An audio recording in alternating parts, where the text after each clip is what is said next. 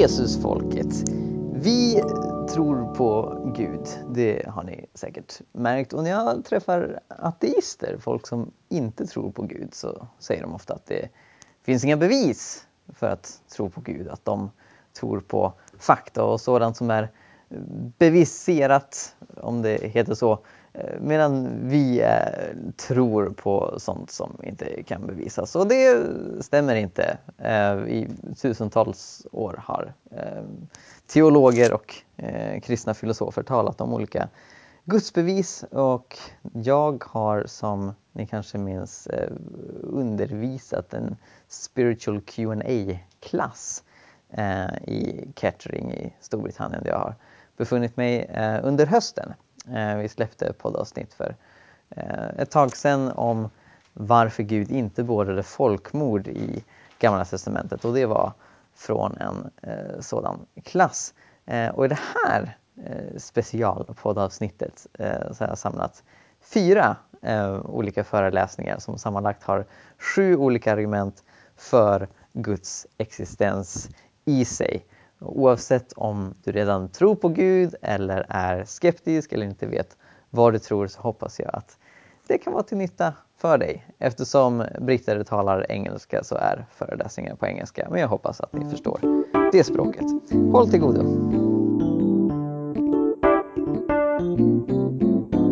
So, cosmological arguments for God's existence um, depart from the existence of the universe.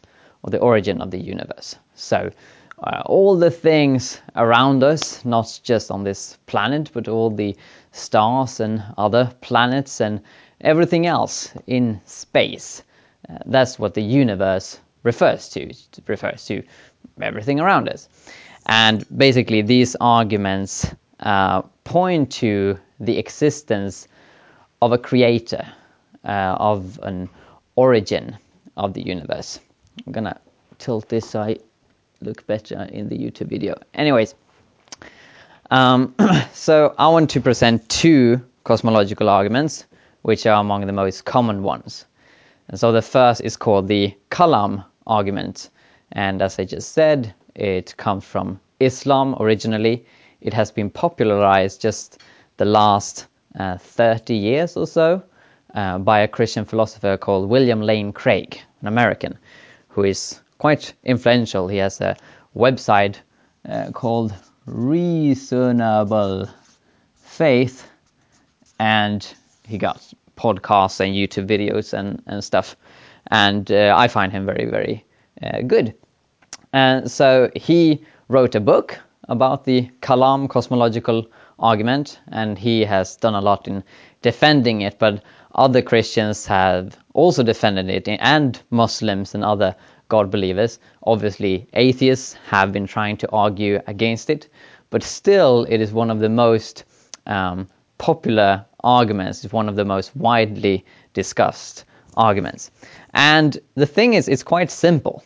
Uh, so it isn't, you know, a list of uh, 20 um, premises uh, which is basically starting points in an argument. It's just two premises, and then number three is conclusion. And in this type of argument, if uh, both premises are true, then the conclusion has to be true. It's logically necessary that the conclusion is true. And the argument goes as follows. The first premise says everything that begins to exist has a cause. The second premise, the universe began to exist, and so the conclusion, therefore, the universe has a cause. So, pretty straightforward. If it's true that everything that pops into existence has a cause, there's a reason behind why that thing started to exist, and if it's true that the universe began to exist, then it has to be true that the universe has a cause. All right? And then from that, we can conclude that if it's true that the universe has a cause, this cause has to be immaterial. So the cause is immaterial, uh, meaning it doesn't consist of matter. Why is that? Because all matter there is is inside the universe, uh, per definition. Likewise, it has to be uh, timeless. Because see, uh, according to the most popular uh, scientific theory about the origin of the universe, the Big Bang theory, not only did space origin with uh, the origin of the universe, but time itself. Time began when the universe began. And since space also originated there, this cause needs to be uh, spaceless. But of course, since the universe is a pretty big thing, um, and con- consists of you know ma- many different um, uh, types of uh, things and uh, different types of phenomena, uh, you have to conclude that the cause is quite powerful as well. Um, so it wasn't just a little chicken originating in the Big Bang, uh, but you know, literally everything that we see around us. And this does sound like God. In fact, uh, most atheists try to avoid this conclusion because they realize if we say that the universe has a cause, it's quite evident that this cause needs to be immaterial, timeless, spaceless, and very, very powerful, which is what we mean by God. But then the question, of course, is are these premises true? Can we reach this conclusion? Is it true that everything that begins to exist has a cause and that the universe began to exist? And I think it's, it's extremely likely uh, that these are true. In fact, I, I think it's very evident. Uh, but I want to defend these um, two premises. If we start with the first one, everything that begins to exist has a cause is basically saying the same thing as nothing comes into existence out of nothing by nothing. So basically, if you have nothing at all, you won't see Shakespeare pop up, you know, for no reason from that. Uh, you won't see a, you know, fridge or a bazooka or anything just pop pop out uh, into existence from nothing. Uh, if you first have nothing and then something pops into existence, that requires a cause which could very well be immaterial. And again, it's you know probable that if God exists, he can do that. But if you remove God as well and you have no God, no universe, nothing at all, then it's literally impossible that anything originates. Now, there are some atheists that have tried to argue against this. Uh, one uh, atheist, uh, what's the English word for physicist? Is that the word? Yeah, he's not a physician because he's not a doctor. He's a, he's he's into physics. Yeah, yeah. So uh, he has written a book called A Universe from Nothing, where he tries to explain why the universe came into existence from nothing. However, he does a mistake, uh, and that is that he calls something nothing. Uh, he tries to show us how in um, as uh, in in the uh, empty vacuum, there's still a little bit of vacuum energy, uh, which, according to quantum physics, uh, can uh, spawn particles into existence. yeah, that's Lawrence Krauss, and you know physicists have observed this that on a very very tiny level, the quantum level, particles pop into existence seemingly from nothing, although they do pop into existence uh, due to energy fluctuating. Basically, what it does then is assuming that the laws of nature and that energy and matter exist, but he calls that nothing because it's as basically as close to nothing as we get. Though philosophically, that's a mistake because he's talking about something. He's talking about vacuum energy and he's talking about quantum particles and uh, quantum physics, and that's still not nothing. If you really talk about nothing, then there obviously are no mechanisms for nothing to produce or cause anything. Uh, there are uh, no properties that nothing can use. Nothing is just nothing. It's the absence of anything. And so uh, this statement that everything that begins to exist has a cause is, I think, very, very evident. If I show you this jar of chutney and say that it popped into existence from nothing by nothing and there's no reason for it being here, and here it is, and it tastes nice, you would assume that I was lying. and, and that's very logical of you to do because um, it's, it's evident that everything that begins to exist has a cause. Now, how about the second premise that the universe began to exist? Uh, there have been people uh, in history who have thought that the universe is eternal. Uh, in fact, that was uh, quite popular among atheists in the 19th century. And what many don't know is that the man who came up with the Big Bang Theory was a priest, he was a Catholic priest. And so he was accused of inventing this theory uh, as evidence for God, because obviously in the Bible it says that in the beginning God created the heavens and the earth, that God created the universe, and so that he, there was a time when the universe wasn't, and then the universe came into being. Um, but today, the Big Bang Theory is the dominant um, theory. Uh, based on you know different kind of evidences.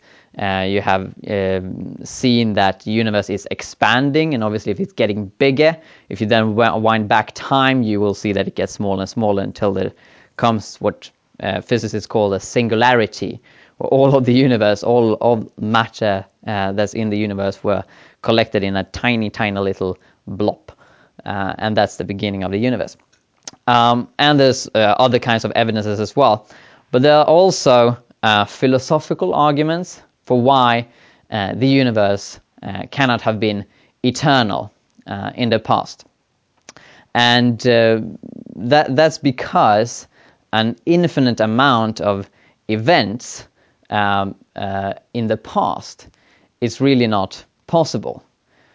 so it is possible to imagine, for example, heaven uh, where there will be a day one where we go into heaven and then we'll have eternal life. So then will come day 1 million and 1 trillion and so on and it will go on for infinity.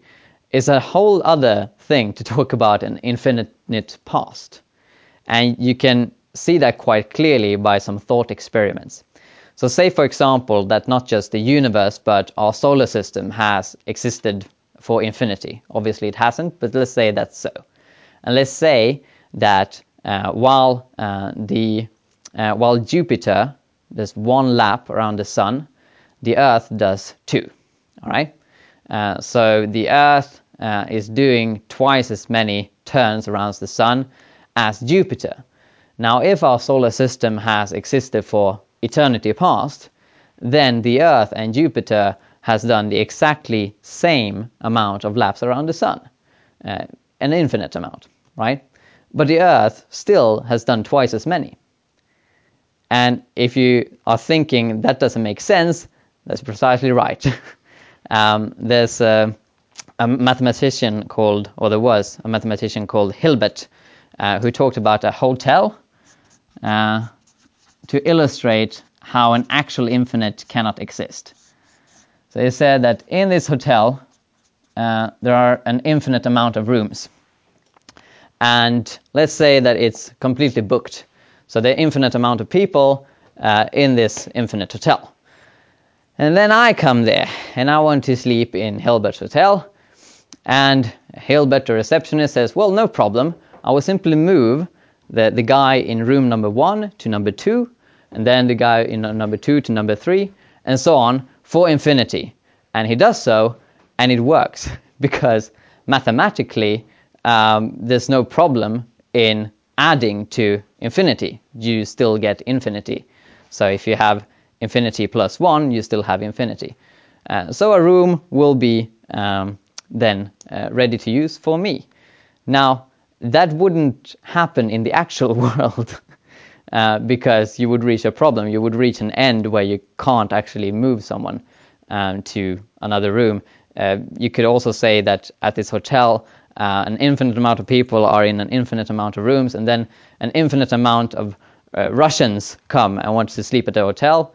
And then what Hilbert does is that he takes every person to a room uh, which has uh, the uh, double number uh, compared to the room they were previously in. So the guy in room number one goes to two, and the guy in room number two goes to number four, and so on.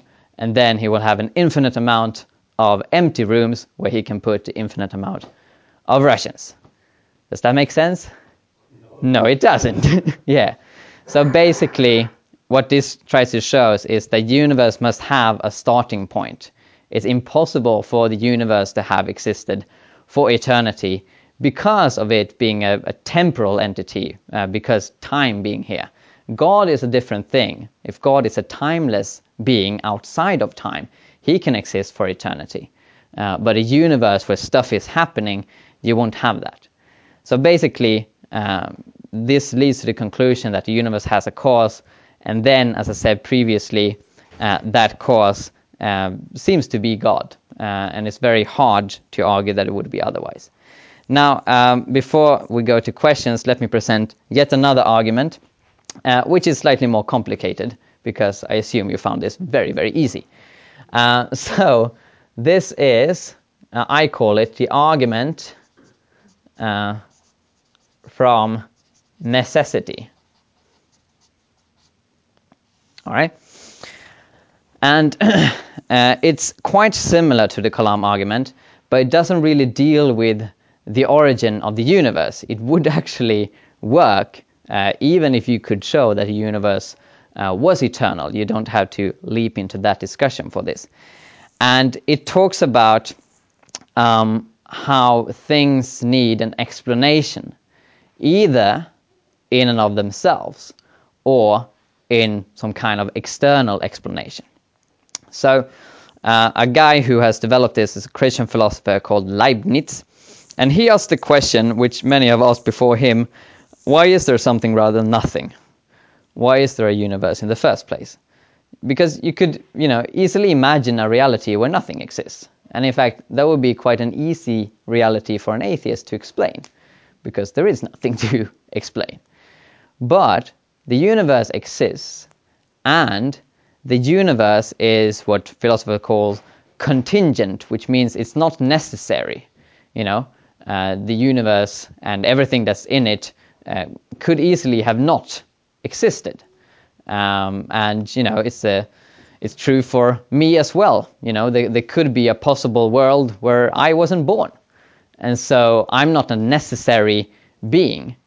Um, I am contingent. I am dependent on other things uh, for my existence, such as my parents. All right.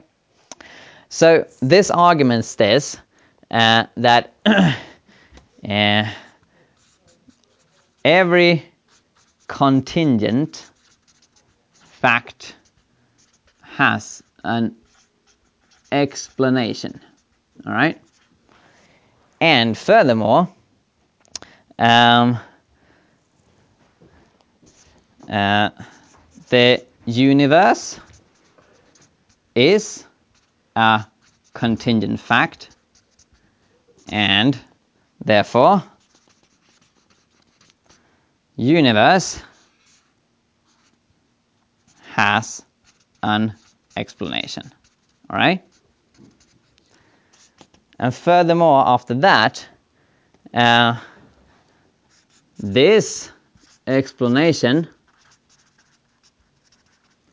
uh, needs to be necessary.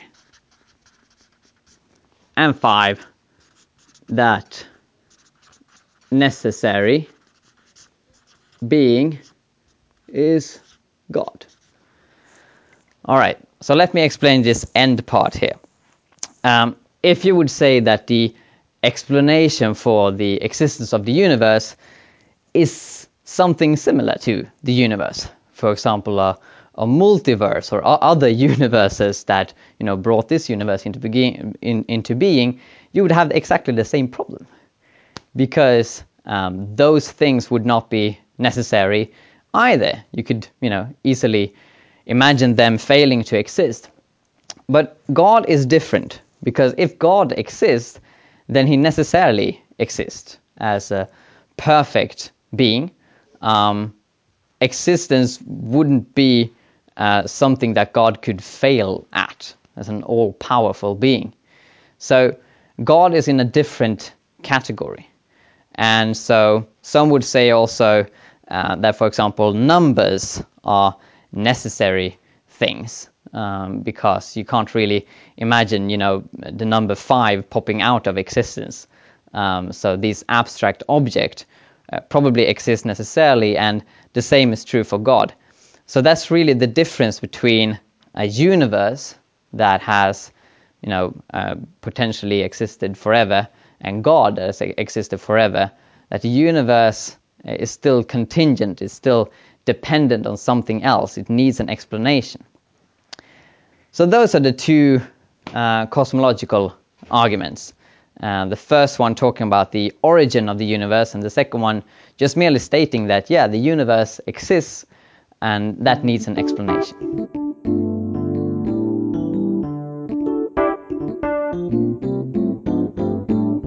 Anyway, we're going to talk about design arguments for the existence of God, uh, two of them specifically. And when talking about design, it's really um, when there is a purpose behind an object or phenomenon. Uh, so it's not just randomly, um, you know, put yeah. into existence, but there's actually a thought behind it, and a thought is usually being, you know, thinked by intelligent beings. So obviously, um, the Christian message is that the universe, everything that exists, is created and therefore designed by God. And uh, there's a scripture that points to how we, just by observing um, the things around us, might know that um, God exists and that God is powerful, that He is able to bring uh, all of all of the stars and planets and animals and uh, plants uh, into being, right? Uh, for example, in Psalm 19, and the Bible says, "The heavens declare the glory of God; the skies proclaim the work of His hands. Day after day, they pour forth speech; night after night, they display knowledge." And there are indeed a lot of people who have just, you know, looked at creation and realized that there is a God.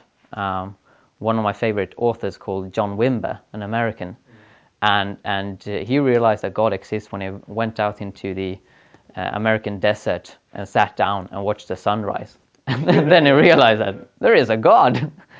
So yeah, and basically, um, there's obviously been a lot of debate during the last, I would say, a hundred years uh, concerning you know the origin of life, and there's been a debate about whether it's evolution or if God, you know, created all the animals as they are.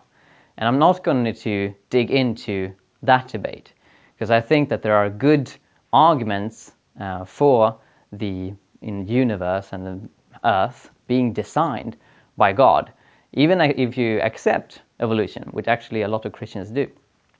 So, yeah, I, I will basically argue that there is a purpose behind what we see around us, both on the macro and micro level.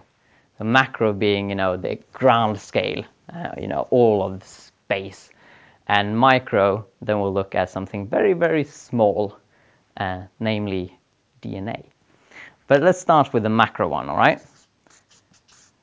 And then I'll talk about the fine tuning of the universe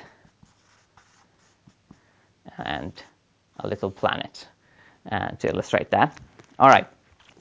So basically, uh, what scientists have found is obviously, and this is not something that just scientists have found, that the universe is very complex. It's very, very complicated. There are a lot of things going on. But not only that, um, you can change the laws of nature and realize that life wouldn't be able to exist anyway. And these, uh, this is something that has confused a lot of scientists uh, during just the last 50 years when they have discovered that, for example, if you change gravity, so you make gravity a little bit stronger or a little bit more lighter uh, in all of the universe, then actually um, life wouldn't exist anywhere. So um, not only would life be impossible here on Earth, but life wouldn't be possible anywhere. And this is to a very, very little degree. So basically, if you um, take 1 and divide it with a number which is 1 and then 60 zeros after it, and you apply that to the laws of nature, then life wouldn't exist anywhere. And there are also other uh, kinds of these constants, as um, physicists call them. Um, one, for example, called the cosmological constant. Um, if you change that by uh, a number um, which is basically uh, a one with 120 zeros after it, then life wouldn't exist anywhere in the universe and there wouldn't even be stars to begin with. Now, that is a massive number. Uh, for comparison, uh, if you take the number of atoms in the universe, uh, you have a number which is 1 and then uh, 80 zeros after it. So basically, what we're talking about is this incredible fine tuning of the universe. Now, this is a problem for those who say that there is no God, because they have to say that there's no purpose behind the universe, there's no design, uh, there's no thought, it just, you know, um, came into being randomly and it has evolved randomly and, you know, it's just um, molecules bumping into each other without any plan. They can't really explain this fine tuning because it's not that these uh, constants are necessary. Uh, you could easily imagine a universe that was different. But um, if you say that it's just because of chance, it's just because of this, you know, this happened randomly, um, then you realize that the probability of that being the case is so extremely small that it's basically ridiculous. You know, there's a, it's a greater possibility that you shoot a little laser up in the night sky and then it goes through the universe for years and years and years and hit a little alien ant on another planet. You know, it's this incredible uh, unlikeliness. And that really points to the fact that it's, it's very reasonable to say that the universe is created and that God is behind it. All right? The second example is a micro example um, about DNA and the origin of life. Now, DNA is fascinating. I'm sure you've all heard of it. Uh, these uh, strings uh, inside all cells basically map, you know, how we are to function, and uh, there's a lot of them. So, in one gram of DNA, there is approxima- uh, approximately 700 terabytes of information, and that's a lot. Uh, my computer has one terabyte storage capacity, so yeah, that's yeah, yeah, and and you know, obviously, a human body it, it weighs more than one gram, so uh, you know, scientists predict that in a normal human body, uh, there's about 150 trillion gigabytes of information in all of the DNA, which is very, very much. All right. Yeah.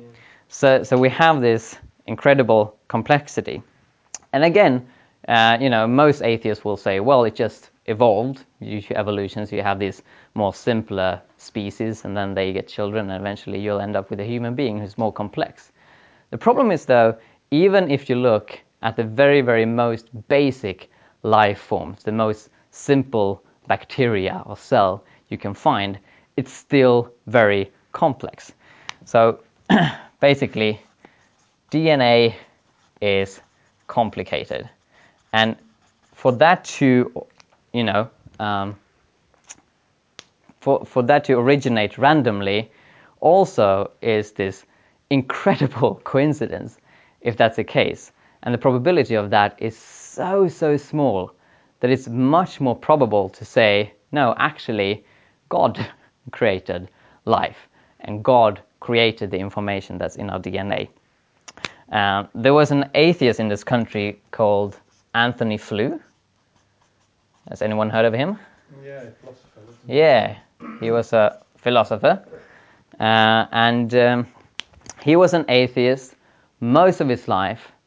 But then, in 2004, in uh, an interview, he actually said, "Well, I've looked at the evidence, and I think that there is intelligence behind the universe. There is an intelligent cause for for life, right?" Well, And later on, three years later, uh, he published a book called There Is a God, uh, where he described how he changed his position. And his main argument for this was DNA and it being so complex that he couldn't imagine that this is just due to chance. Uh, you know, wherever we find something as um, complex and, you know, fine tuned, we usually say that it's, you know, it, it has been brought forth uh, with a thought behind it. So, for example, say that you're walking in the jungle uh, somewhere in the Amazon, and then you find uh, a big uh, city, right? So there's a lot of houses, and there's writing on the houses, and uh, you know, di- different forms of houses used for for different functions. Some are storage houses, some are houses that are suitable for living in, and so on. You would assume that this, you know, these are the artifacts of an ancient civilization that people have actually lived in this city and construct, constructed uh, that city. But that doesn't have to be the case. I mean, uh, you know, logically, it's it's possible that you know th- these were just some mountains once, and then there were a couple of earthquakes and, and some rain, and, and then it randomly constructed this city. But the probability of there being you know an intelligence and a design behind this city is much more uh, likely, right? And uh, yeah, I, I think didn't I tell somebody about? I think I told you about the British Railways example um, in Wales. I think I did because you come from Wales. yeah, yeah, yeah, yeah. Yeah. yeah. No, I'm No so worries. Sorry, I- it's not that you're boring me at all. Do you know what it is? I'm just so relaxed here. yeah, yeah. No problem at and all. I am listening to you. believe Yeah. it Or not, it's like when my other half always says to me, like about turning the telly off, like, because you're not watching it. I'm like, I am. I'm listening to it. It's all right. You just carry on feeling relaxed. Yeah, yeah. Feel relaxed If you want to sleep, I do feel relaxed. That's not Yeah. a good Well, sign, isn't it? okay. I do Yeah. feel relaxed But yeah, thank you. Yeah. I do apologise. I'm not falling asleep. No, no, no. It's it's perfectly fine. Just look back of my. Yeah, yeah, it's great. Now, imagine that you're traveling uh, with a with a train uh, to Wales, all right, and there's a hill outside the window uh, where there are a couple of rocks, and they say uh, British uh, Railways uh, welcomes you to Wales. All right. So then, most of you would assume that there have been a couple of employees of British Railways that have put a bunch of rocks on that hill because they know that you know people would go with British Railways and uh, and the trains uh, to Wales, and they will see that and they will be happy. But that doesn't have to be the case. I mean, it could be the case that these rocks randomly just fell there over a couple of hundred thousands of years, and then you know randomly they they were put in this you know sequence, which for us looks like a message in English. That's possible, but it is improbable. It's much more probable that there is design behind these. And furthermore, it's not really possible to speak about information or a message if the fact is that these rocks have just randomly been put there. Because, you know, a message needs, you know, a source. and and uh, if if you know, th- there wasn't anyone behind this, then there is no message there. It's just a coincidence. It just appears to be a message, even even though it's not. It's only possible to speak about message or you know uh, this kind of information when there is design behind it. Um, so there's also a famous example by actually an atheist uh, who is called Fred Hoyle. Uh, he was an atheist who believed uh, that uh, you know um, that life couldn't have spontaneously um, come up on Earth. But since he didn't have God to refer to, he said that you know life probably came from outer space. So we're all aliens, and you know somehow there was life that came here. And he didn't attempt answering where that life came from, uh, but he, he said that the, the there is it is so unlikely that life just originates from natural processes. Uh, he said that you know the likelihood of that being one divided by a, a one with 40,000 zeros, which is insanely um, unlikely. And he compared it to if you imagine a junkyard, so you have a bunch of scraps and metallics and, and garbage, and then comes a tornado, whew, goes over that junkyard, and when the tornado has left, there's an airplane there, fully functional, with gasoline in its tank. He said that's the likeliness of life just popping into being. And that's why it's actually very reasonable to say um, that there is a God. So when people say to me, there's no evidence for God's existence, then this is one of the arguments I use. And uh, yeah, sometimes I, I, talk about my phone. And I say, when, when you see this phone, do you think it was manufactured and there was a plan behind it? Or do you think that I just found it in the forest and it, it was, you know, the uh, effect uh, or the product of millions of years of random metals being mushed together in a volcano? And obviously, most of them will say no, it's actually manufactured in China, right? And and uh, yeah, um, also when when people say that uh, there's no purpose with anything, there's no plan, you know, where we're just here and, and there's no reason behind it. This is actually very encouraging. This is, you know, an example of when science actually uh, really shows the way to God, which made even an atheist willing in the end of his life to say, no, there is an intelligent cause behind the universe.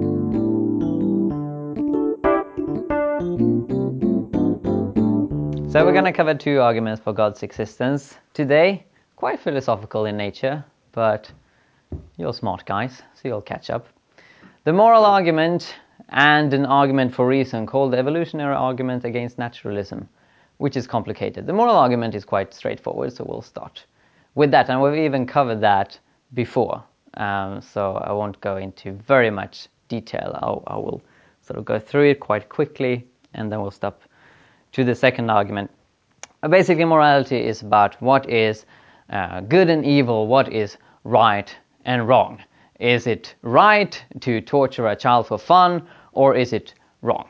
That's what morality is about. And the question is if morality is real, also known as objective. And I've actually started to prefer uh, saying real morality because sometimes people don't get what objective morality is about basically, if, if morality is real, if moral values uh, are facts, it's a fact that it is evil to torture a child for fun, then it it's actually exists. It's real. And, and the same thing with duties. Uh, if we have a moral duty not to torture a child for fun, then it actually is a moral fact. Okay, so the argument goes like this if real moral values and duties exist, then God exists. And the second premise real moral values and duties do exist, and therefore God exists. So it's quite straightforward. And this is uh, a logical argument. If both of these premises are true, then the conclusion that God exists has to be true. It's logically necessary that it's true. So, how do we know that this uh, first premise is true? Well, it's, it's quite obvious, I think, that if God didn't exist, if atheism is true, then there's no reason to believe A, that there are these moral facts floating around um, somewhere in you know another realm, and B that they would sort of connect to the moral understanding of evolved apes on planet Earth, because that's all that we are on, on atheism. So, you know, we might explain how we came to our moral beliefs in human right and liberty and dignity and all that through socio-biological evolution, basically through pointing out that well, it's beneficial for our species to say that we should care for each other, or uh, that you know English society developed these ideas to promote welfare and the British Empire and what have you. You can have all these explanations without claiming that they're actually true and that they're actually a fact that you know I, as a human being raised in the 21st century who have certain opinions about slavery or prostitution or um, war, etc., that those beliefs are actually right. Because if they're right, then I'm talking about real moral values. And if others are to behave in that way, then they have a real moral duty. And on atheism, that can't really exist.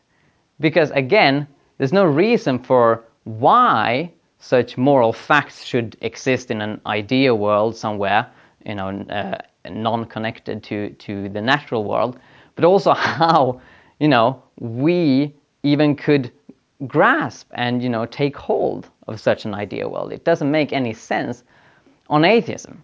And as I've listened to debates between atheists and Christians on this argument, atheists generally are very divided concerning this. Quite a lot of atheists will say that, well, there are no evidence for objective moral values. There are no evidence that these moral ideas that we have are real, that they are facts. And so they will simply deny that. While other atheists, realizing that this means that you cannot say that Hitler was wrong, you cannot say that uh, someone who, who rapes and tortures a child is doing something wrong, realize that this totally goes against our moral experience. And that leads us to the second premise real moral values and duties exist. You see, you know, when we say that someone who is doing something that we think is totally horrendous and evil, we actually say that there is this realm of moral facts which that person should obey. Because if that wasn't the case, then me pointing out, oh, it's so horrible that you raped that little child, is like me saying, oh, it's so horrible that you like chocolate ice cream. But there's no moral duty for anyone else to eat chocolate ice cream just because I think that way.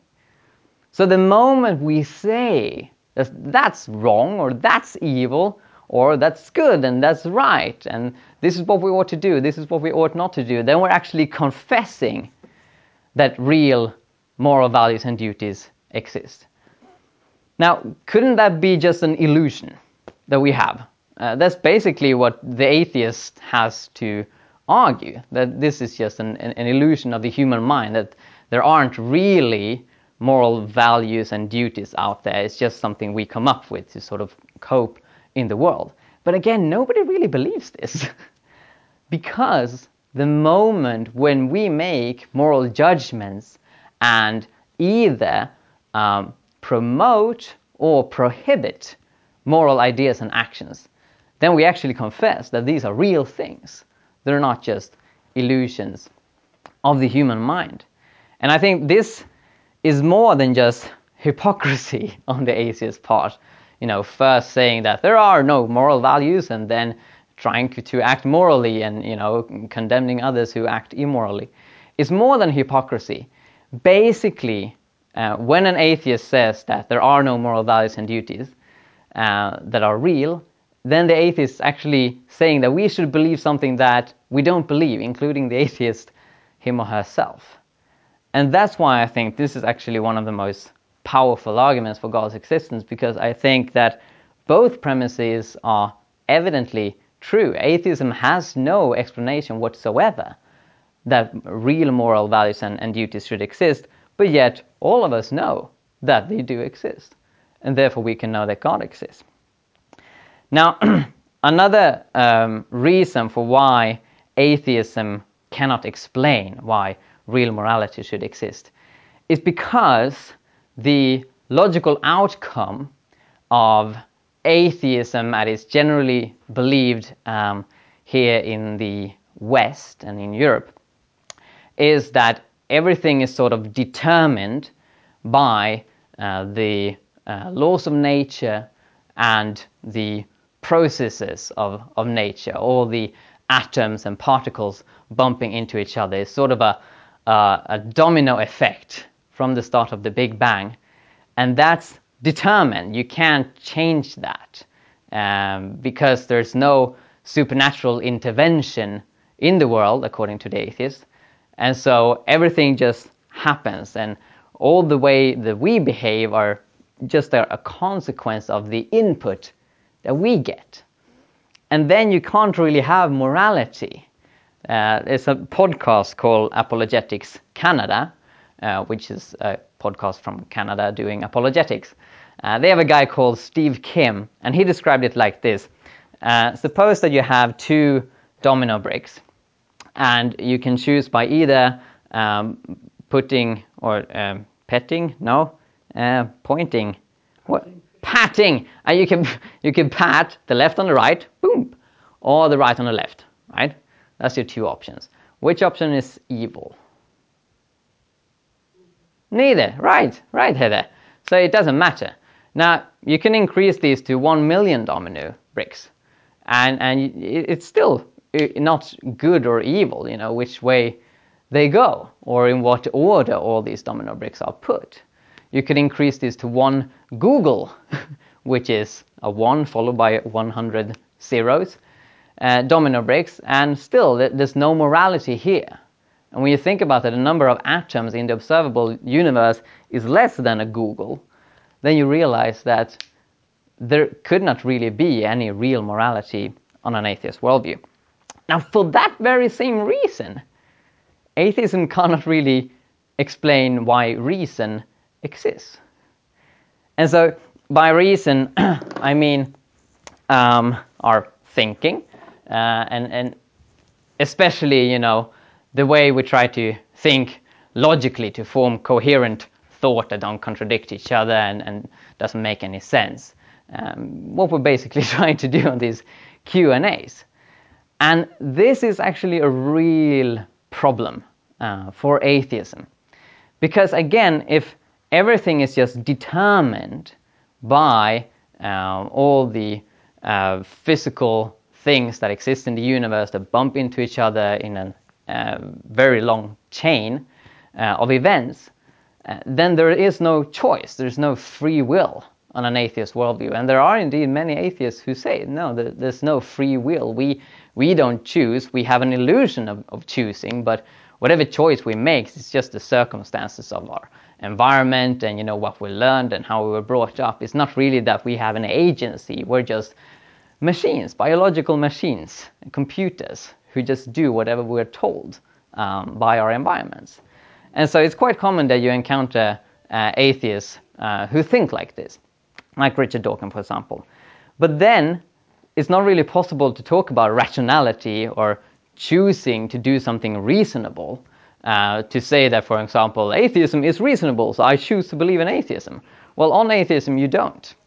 And you can't really criticize a Christian for being Christian uh, because there's no real rationality here. There's no choice involved uh, for doing something rational. And then when we step to the evolutionary argument against naturalism, this is formulated by a Christian philosopher called Alvin Plantinga, uh, who resides in the United States. And he points out that evolution actually speaks against atheism, which is not something that you hear very commonly. Uh, but he thinks that's the case, and I think he has a very good argument for it. So, say that you both believe in uh, evolution and naturalism. Naturalism is this idea that nature is the only thing that exists. So there's no supernatural realm, there is no God, there are no angels, no spirits, and everything that happens in the universe is just caused by these natural laws and natural processes. There are no miracles and so on. Quite a common belief nowadays.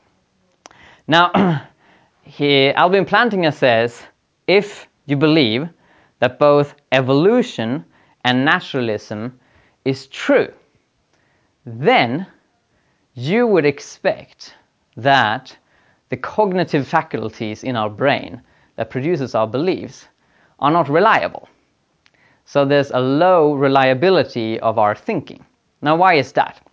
Well, he points out that evolution just wants survival. So uh, the goal of evolutionary process is to avoid death, right?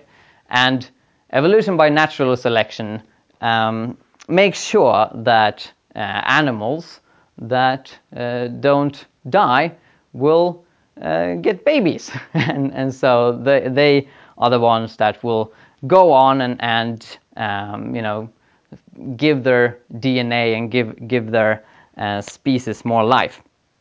So that's what evolution is interested in, uh, so to speak.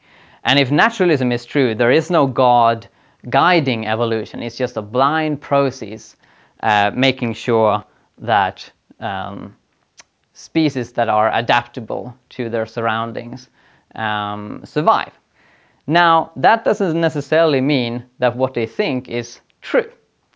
So, Alvin Plantinga talks about a little frog uh, here's a frog sitting on a leaf. And the frog sees a fly. All right? And so the frog pulls its little tongue, no, not tongue, tongue, tongue out and eats the, eats the fly. All right? Now, that's obviously a pattern that will promote the frog's survival. Uh, and so, whatever this little frog is thinking, uh, it's the thinking that promotes survival that will make sure that this frog lives on and have uh, baby frogs, right? But whatever beliefs the frog has about these flies don't have to be true as long as they promote survival. So either the frog can think, oh, there's a fly there. I should eat that because I need flies to survive. And then they eat it. And that would be a true belief, as far as we understand it. But it could also be that the frog thinks that's a dangerous weapon against me and I'm gonna attack it. And so the eating is just a byproduct of this false belief. It could even be that the frog thinks that the fly is over there, even though it's over there. And so it tries to shoot its tongue out to catch the fly, but it really shoots its tongue out that way. So the, you know the tongue goes the right way, but you know the frog was thinking wrong the whole time. Basically, Plantinga's point is that you don't have to have true beliefs just to survive. You could equally have false beliefs if they promote your survival. But the problem, of course, for the naturalist or atheist is that if we can't rely on our beliefs and we're as much animals as this frog, then we can't, you know, reasonably believe in, in any of our beliefs, including uh, naturalism. So basically, the combination of um, believing in evolution and believing uh, in naturalism is that the uh, probability of our reason uh, is low. And uh, it's a very interesting argument. Um, and yeah, I'm guessing that uh, you have a lot of questions concerning both of these, so we'll go to the Q&A session.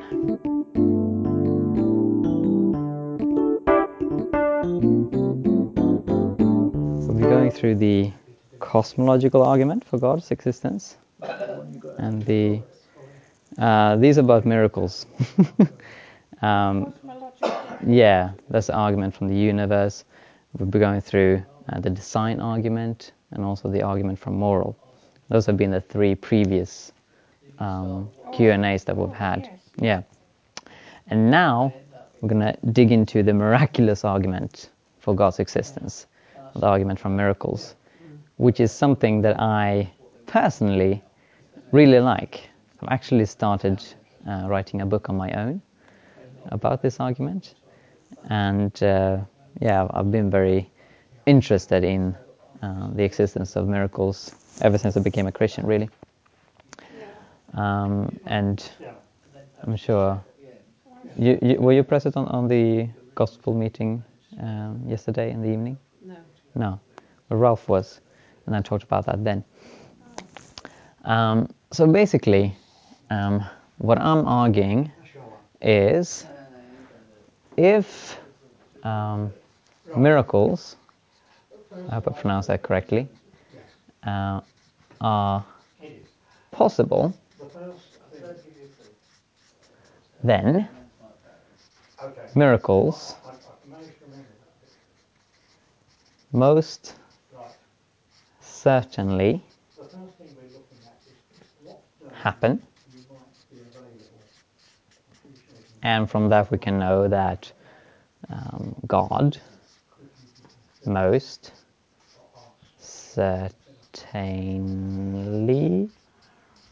exists. That's basically my argument. So starting with the first one, I think this is uh, quite evident.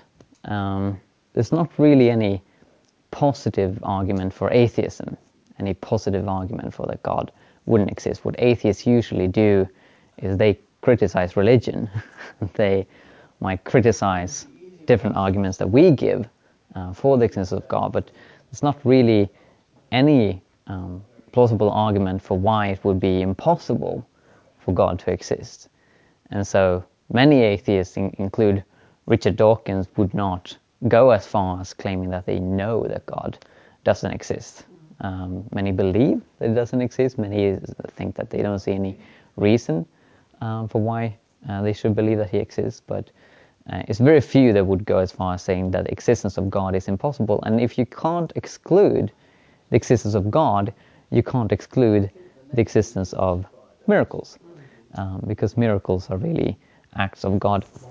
And there have been attempts, um, for example, by a, an 18th uh, century philosopher called uh, David Hume, who lived here in the UK. Um, he tried to show that uh, uh we shall not uh, believe, sorry, in miracle reports. Um, and his argument for that was that the laws of nature established by universal human experience, and miracles um, break the laws of nature, and so we have all of human experience speaking for these laws of nature. And when a miracle comes and interrupt that, um, there's really no reason to, to believe that a miracle really has happened. It's, it's more um, probable, David Hume said, that either the person you know sharing the story is lying or has been deceived or something like that. Um, but the problem with that is that uh, miracles, or both miracle experience and belief in miracles, uh, are a part of uh, universal human experience, or at least uh, the majority of human experience. Uh, this book by Craig Keener about miracles uh, states that in 10 countries, including uh, Uh, United States, uh, China, India, Nigeria, and some others, uh, about 200 million Pentecostal and charismatic Christians claim to have experienced miracles. That's not a proof that all of them have indeed experienced miracles, but it shows that in just these 10 countries there are 200 million people uh, that claim to have experienced miracles, and then you're only looking at Pentecostal and charismatic Christians who are not even all Christians uh, in those countries. And that really shows that um, it's, it's wrong to say that universal human experience would exclude uh, miracles. In fact, David Hume has been criticized by many uh, for doing a circle reasoning. He starts with assuming that miracles don't happen. He starts with naturalism, the idea that nature is the only thing that exists, that supernature doesn't exist. And then, of course, he arrives at the conclusion that you should never believe a miracle report. But if you don't start with that assumption, then there's actually no reason to say um, that a miracle, if well supported, would be less probable than a natural cause uh, to a phenomenon. So, because of this, it's not really plausible to say that miracles are impossible. Even though many seem to believe this and many seem to want to find a natural uh, explanation to everything that happens, there are in fact a lot of things happening in the world that can't be explained by natural explanations. And so, since there's no argument for why uh, God's existence or miracles would be impossible, we should um, be open to the possibility that supernatural phenomena uh, do happen. So basically, no reason to assume naturalism, the idea that nature is the only thing that exists. Well, again, I say that because of this, that miracles are possible, which I think is un- undoubtedly true, miracles are, are most certainly actually happen in the world today. And so again, there are many people who, who claim to have experienced miracles, and several of these reports have actually uh, scientific support in that they're scientifically inexplicable. So there are a lot of medically verified healings. Uh, Craig Keener go through some of these uh, in his book, uh, but I would also like to um, read some from a book that I've written. It's not published yet. it's called Charismactivism. It will hopefully be um, published um, next spring. But yeah, uh, I go through some medically verified healing. For example, uh, there was an, a healing evangelist in the US called Kathryn Kuhlman, uh, who's quite famous. And uh, she welcomed medical verification for those who claim to be healed at her meetings. And um, one doctor who uh, was convinced that this is actually something supernatural going on was called Richard Owellen. He was a cancer researcher. And his um, baby uh, had a, a, dislocated hip. And this daughter was just four months old.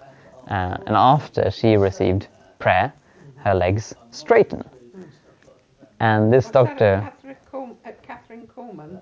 Yeah, that, that, was, that was at a Kathryn Kuhlman meeting. And of course, he realized that this can't be psychosomatic. This, this baby isn't really aware of something going on. So it's not that, you know, a, a placebo effect that this baby just um, is convinced that, that something uh, will happen. Rather, uh, he was convinced that this is something miraculous going on. And so he started to support uh, Kuhlman's ministry. Um, there's a um, doctor called Richard Casdorph who's written a book called The Miracles. Um, he writes about 10 medically verified healings. Uh, one of them uh, of a woman called Ann Saltz.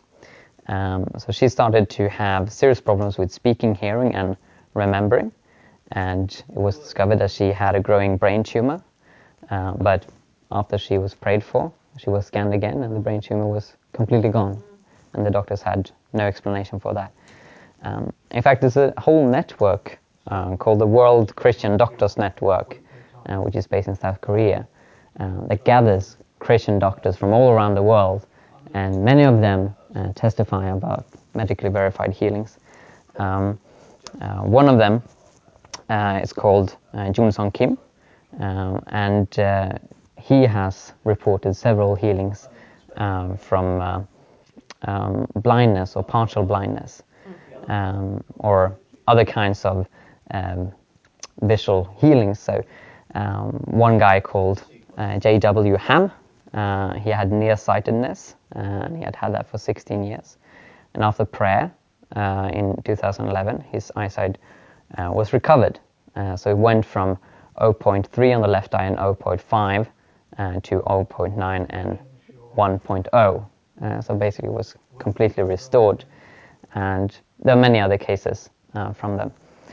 Uh, even you know the Catholic Church uh, have a system of when they want to canonize a saint, there must be two medically verified healings to confirm the sanctification of that person. So, medically verified healings happen. Um, or at least, if we should express ourselves more modest, uh, scientifically inexplicable cures happen.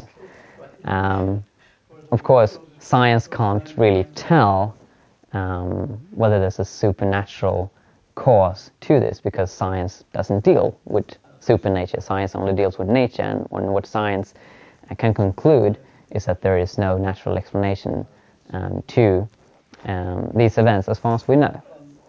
Now, a typical atheist response to the existence of this phenomena uh, is that these probably have a natural explanation that we don't know about.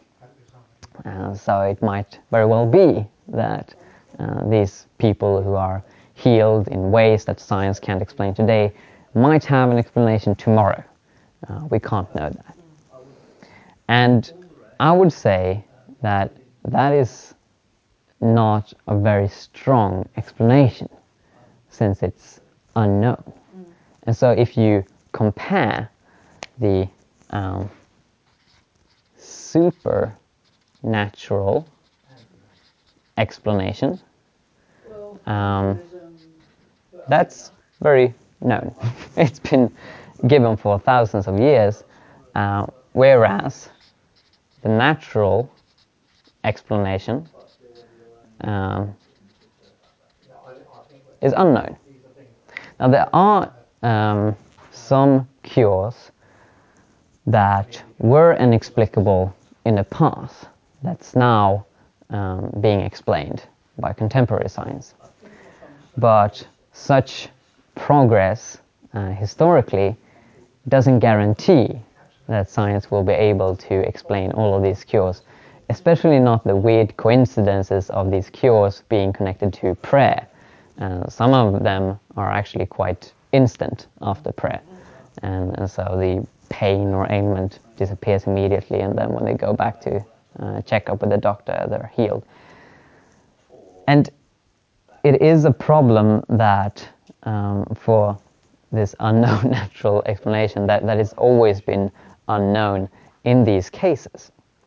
Um, to take an example, uh, in Kenya, uh, there's a woman called Teresa Jebiwott uh, who was um, cured from. How can you remember that? well, I've, I've, I've, been reading. yeah. Um, now she she was born blind, and she went to uh, a meeting um, with uh, a preacher called David Awur, um, and uh, she was healed, so she could see after that meeting, and she had been going to a school for the blind. Uh, she went to a doctor called Agnes Mayo, uh, who um, examined her and found that she now had uh, restored eyesight, and you could physically uh, or visually see the difference in her eyes. Um, now, this is similar to something we read in the Bible when Jesus heals a man who was born blind in, in John 9. Um, so you have this parallel, and of course, many atheists will say that, well, in, in the Bible case, it's just a myth. Uh, it's, it's just invented. But you can't say the same with this contemporary Kenyan example.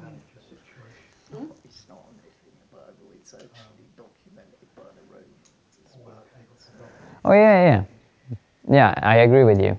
Um, but that's that's a typical atheist response when it comes to miracles.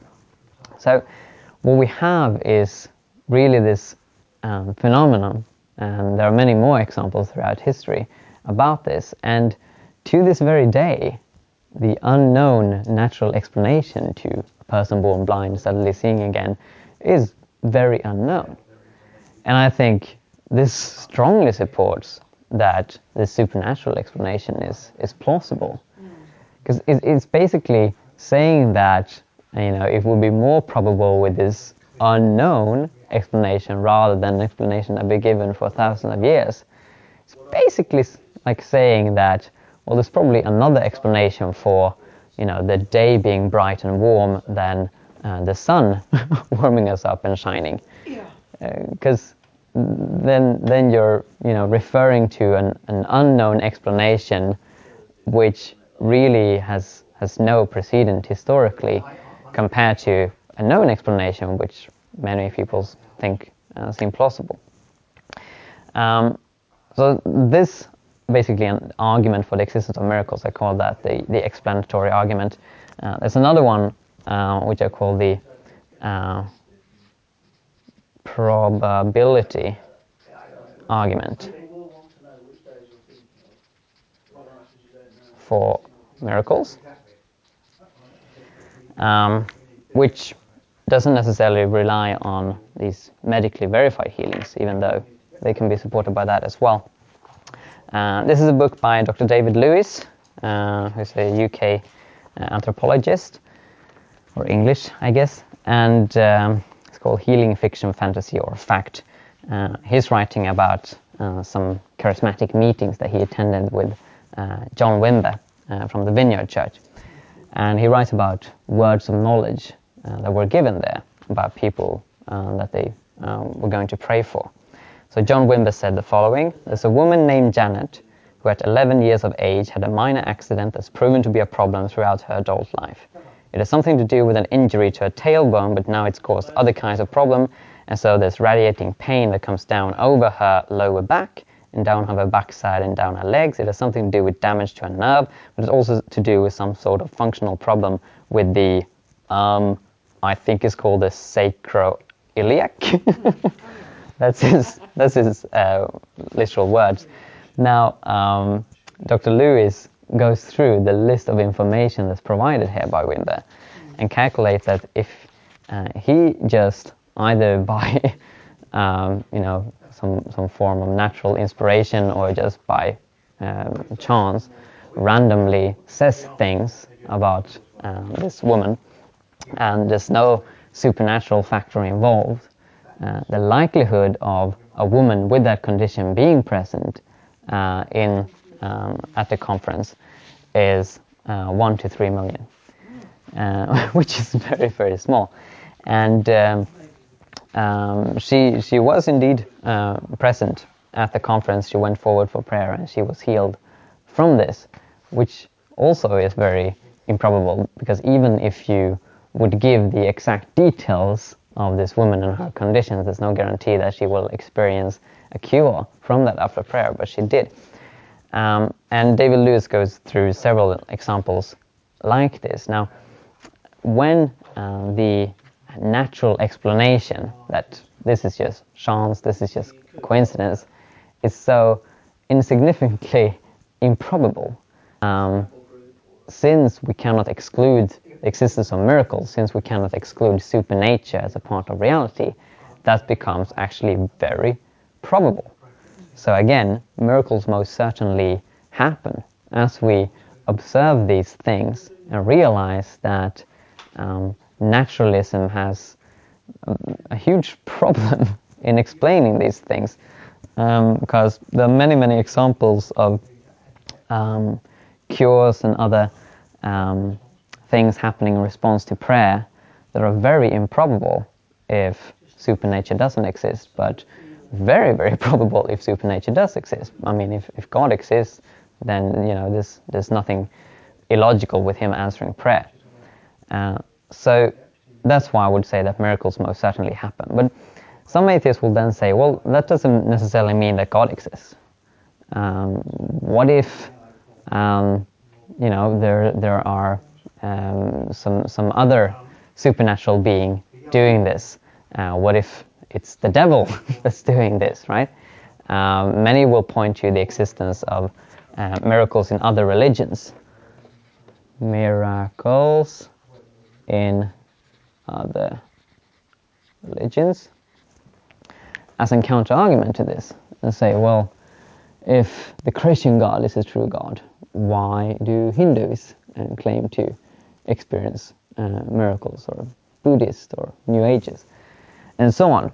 And uh, when the Christian responds, well, um, that's probably false spirits and you know, demons trying to deceive people, then the atheist typically responds, well, what if you're deceived by the demons and the Muslims have the true God or the Hindu, right? But I think the atheist misses the point uh, when this objection is, is raised. Because when pointing out uh, similar supernatural phenomena with equal support, or at least close to equal support, uh, when it comes to uh, verification, when it comes to improbability, and, and so on, they're not really arguing for atheism then. They're just decreasing uh, the probability of atheism being true because you can't prove atheism and naturalism by pointing out that there are miracles around the world. And basically, um, all the arguments that I've been going through uh, the last four weeks are really arguments against atheism. They're not specifically pointing out the Christian God. Uh, the first argument about the origin of the universe, it was just arguing that you know, there must be uh, a transcendent cause to the universe, a God that creates the universe. That could be the Muslim God, there could be some, some other God. Arguments for Christianity will come uh, the next two weeks um, because they deal more with Jesus and the Bible and so on. So basically, um, it's, it's not really an argument for atheism to point out miracles in other religions. Um, that being said, I think there are, are good reasons to believe that um, the miracles in the Christian tradition are more well supported and uh, stronger in power, and also they seem to be more connected with um, peace uh, and and uh, uh benevolence compared to what, what, you usually find in paganism or different animistic religions. I've been to South Africa and I've seen the Sangoma religion, and it's, it's, it's quite different. Uh, the the supernatural things that happen there are usually connected with curses uh, and things like that. But then um, I would also say uh, that um, no matter what the source is to a particular miracle, um, they do suggest that a God exists.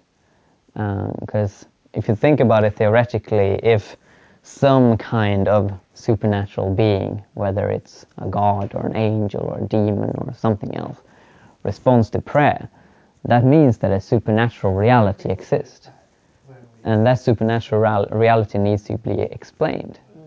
So you either need to have, um, you know, uh, spiritual agents that's been around forever, that makes them basically gods, or if they haven't been around forever. They must have a, a cause. Uh, they must, they have, must have been created.